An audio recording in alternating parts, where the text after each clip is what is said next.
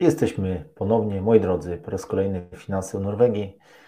Dzisiaj będziemy rozmawiali o Waszych finansach. Przede wszystkim poruszymy dosyć ciekawy temat, jak sprawdzić swoją zdolność kredytową i czemu tak bardzo boimy się rozmowy z doradcą. Co nas odstrasza, co nas zniechęca, moi drodzy. Przed Wami Paweł Leksan i Michał Kuczkowski. Wasz ziomek od ubezpieczeń, wasz ziomek od kredytów. Pawle, zadam proste, konkretne pytanie. Czemu się boimy rozmowy z doradcą? Mam Czemu jesteś taki straszny, powiedz mi? Czemu jesteś no taki straszny? Powiedz ludziom, przyznaj się. No właśnie, wiesz co, nie wiem, kurczę, to ja chyba muszę się zacząć pytać, dlaczego, dlaczego się ludzie boją.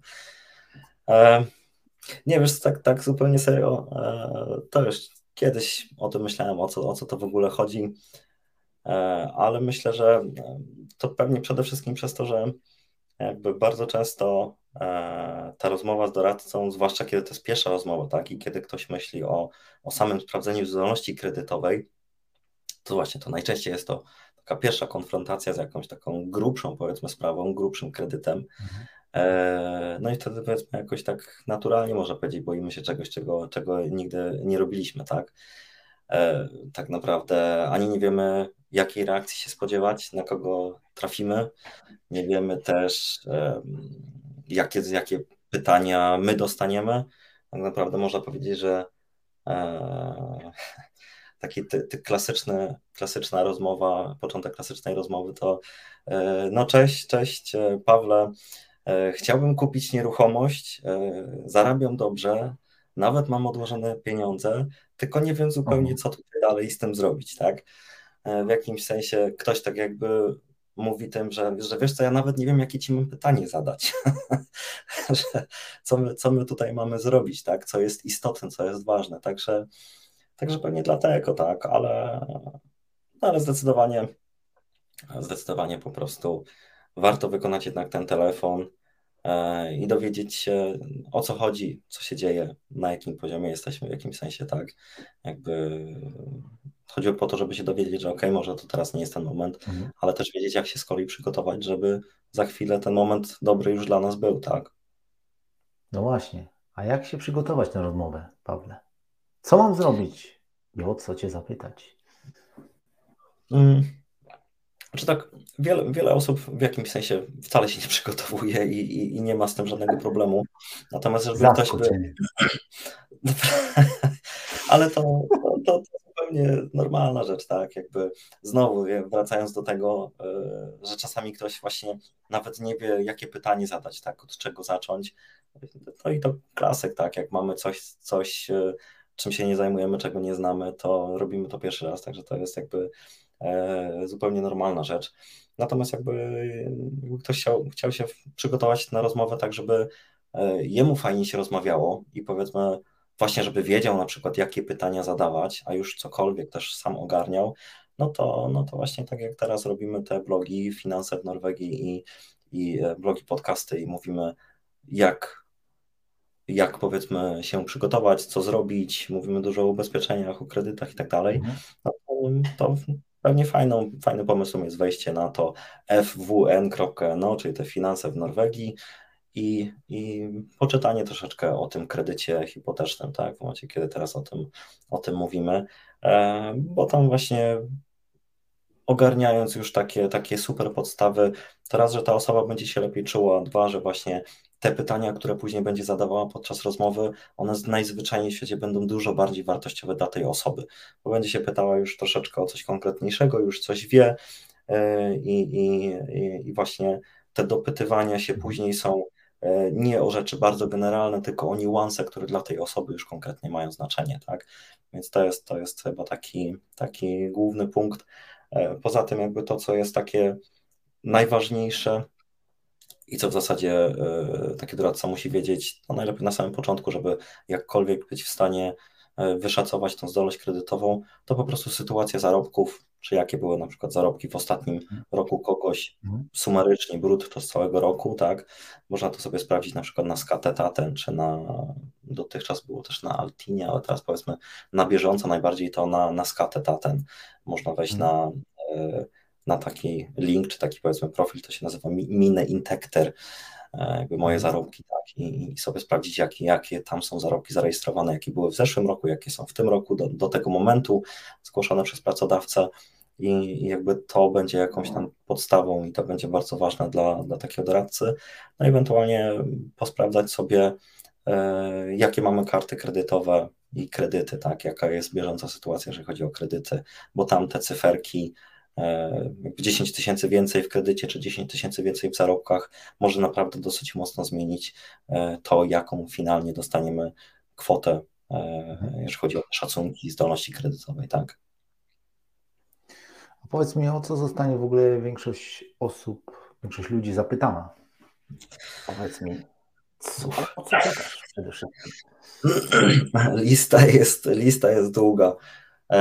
Kurczę, taka rozmowa, znaczy z jednej strony da się sprawdzić zdolność kredytową w 5 minut, bo tak naprawdę tych danych nie jest aż tak dużo.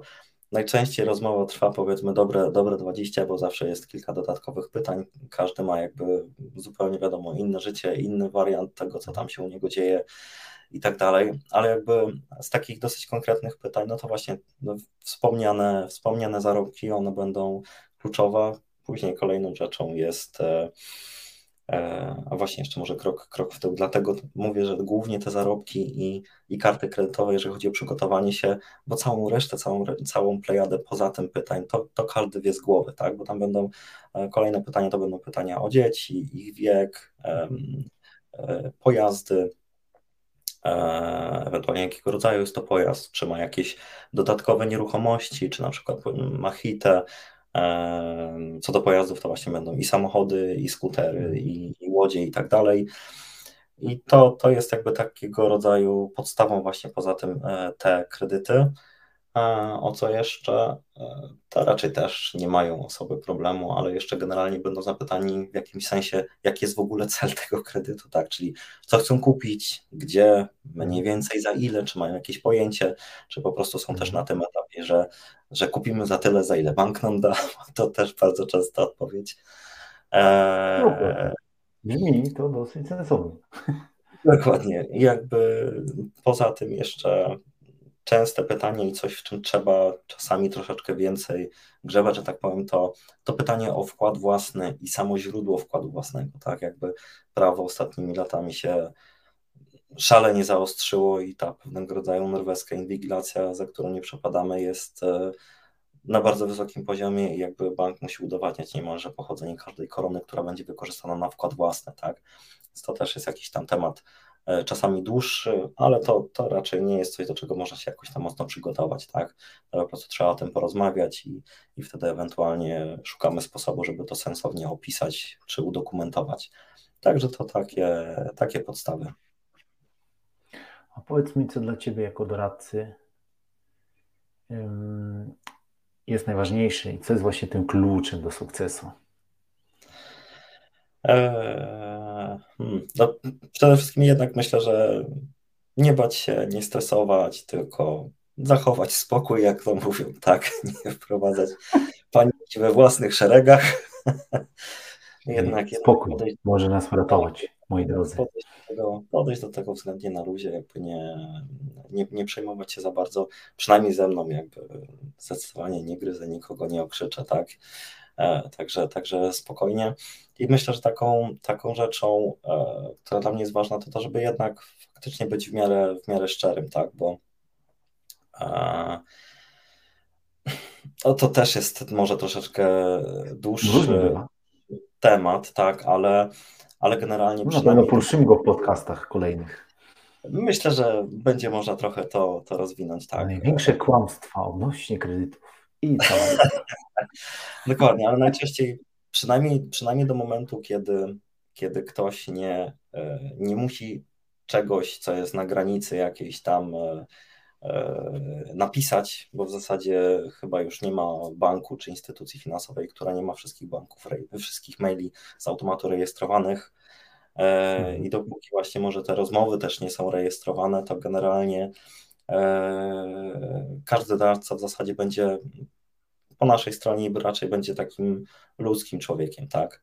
Jeszcze może czasami w, bezpośrednio w banku gdzieś tam można trafić na służbistę, który trochę nas gorzej potraktuje, ale powiedzmy osoby, które współpracują z wieloma osobami, z wieloma bankami, no raczej będą e, chciały nas ochronić, jeżeli nawet cokolwiek złapią, co e, no co właśnie, co, co, co byłoby po prostu niekorzystne dla nas, tak? To, to, to gdzieś tam będziemy się tym, tym zajmować. Więc powiedzmy, ta, ta szczerość odpowiadania na te pytania tak jak, tak jak to jest, to, to myślę, że nawet bardziej niż jak kurczę u księdza czy u lekarza, tak?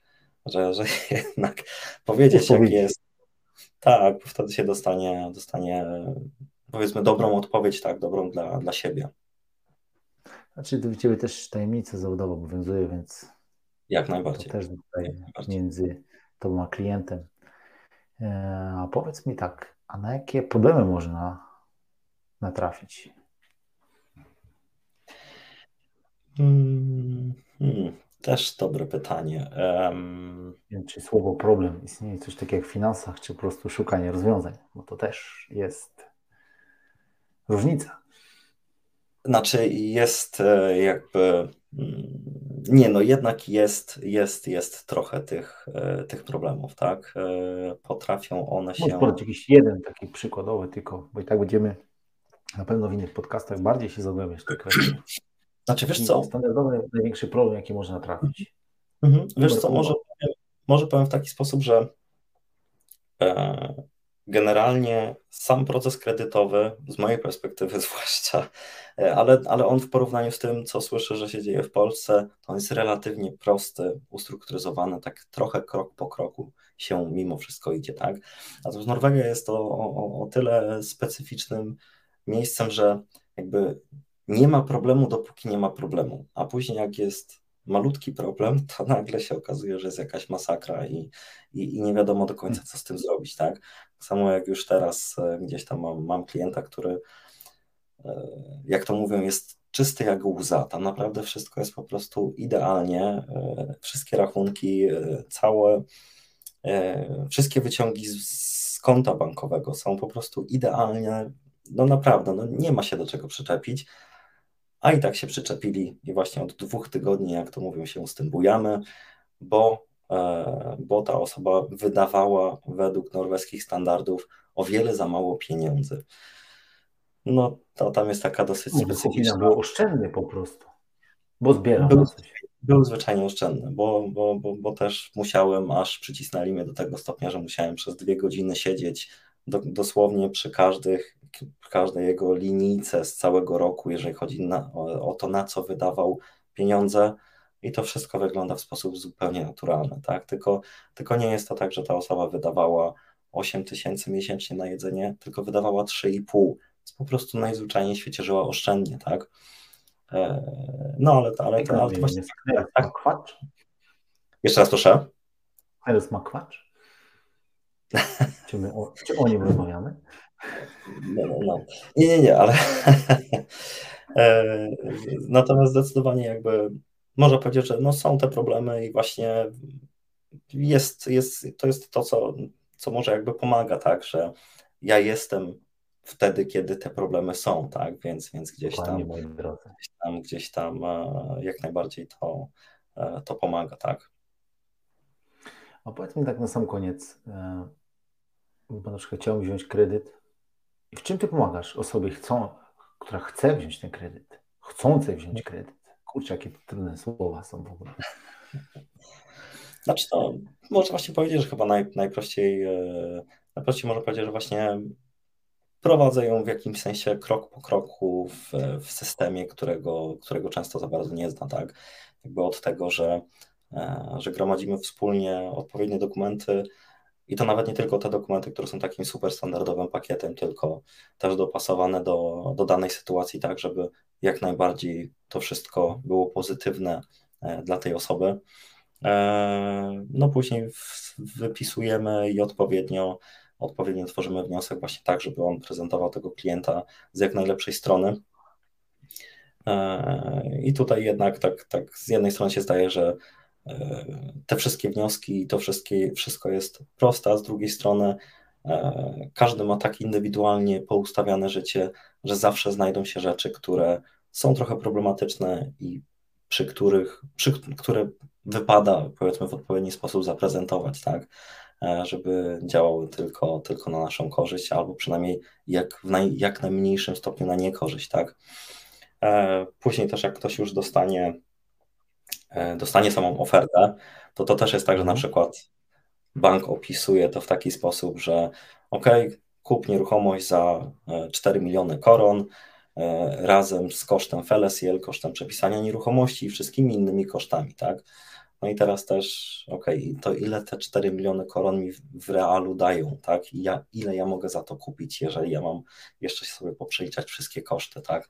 Bo te 4 miliony no, koron, kiedy, tak, bo te 4 miliony koron, kiedy mamy na przykład nieruchomość, um, nieruchomość e, własnościową, powiedzmy wolno stojący domek e, i może tego wkładu własnego nie mamy aż tak dużo, żeby pokryć, e, pokryć też podatek 2,5%, E, przy zakupie takiej nieruchomości, bo przy 4 milionach to nagle jest 100 tysięcy koron, to może się okazać, że, że te 4 miliony nam się trochę zmniejszy, na przykład do 3,5 milionów realnie, jeżeli chodzi o to, co możemy zakupić w stosunku do tej wysokości wkładu własnego. Także też tam opisuję po prostu taką, taką ofertę e, z praktycznej strony. Za ile możemy kupić dom, jakie są ograniczenia, za ile możemy kupić mieszkanie, jeżeli to jest właśnie mieszkanie własnościowe i ma dług wspólny i mhm. jakby opisuję to jak, jak to, jak to właśnie wygląda, tak.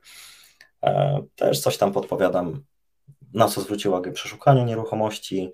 Mhm. E, jakby jest też taki etap zawsze, gdzie bank nam udzieli tej zdolności kredytowej na jakąś konkretną kwotę, e, a później do tej nieruchomości trzeba znaleźć, do tej kwoty trzeba znaleźć nieruchomość. I to też jest tak, że mhm nieruchomość ja razem z klientem w banku zatwierdzam, tak? Czyli sprawdzamy wspólnie szybko tą nieruchomość, wysyłamy ją do banku, żeby oni ją zatwierdzili jako wystarczająco dobra e, nieruchomość, jakby, która będzie odpowiednią nieruchomością na zastaw, na zabezpieczenie, tak? Bo to też bank chce, żeby, żeby sprawdzać. To tyle. No na samym końcu jeszcze podpowiadam, powiedzmy, e, na co zwrócić uwagę przy przejmowaniu nieruchomości, tak? Mhm.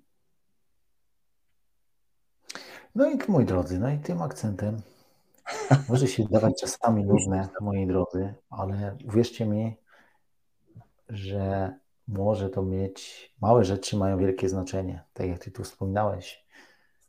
Wiedza to jest to, co sprawia, że możemy mieć naprawdę o wiele więcej pieniędzy w kieszeni i możemy je zainwestować też o wiele mądrzej. Paweł, dziękuję Ci po raz kolejny za kolejny podcast. Finanse w Norwegii. Pamiętajcie, żeby wchodzić na bloga, na stronę internetową. I moi drodzy, słyszymy się i widzimy następnym razem. Pozdrawiamy Was serdecznie. Hej.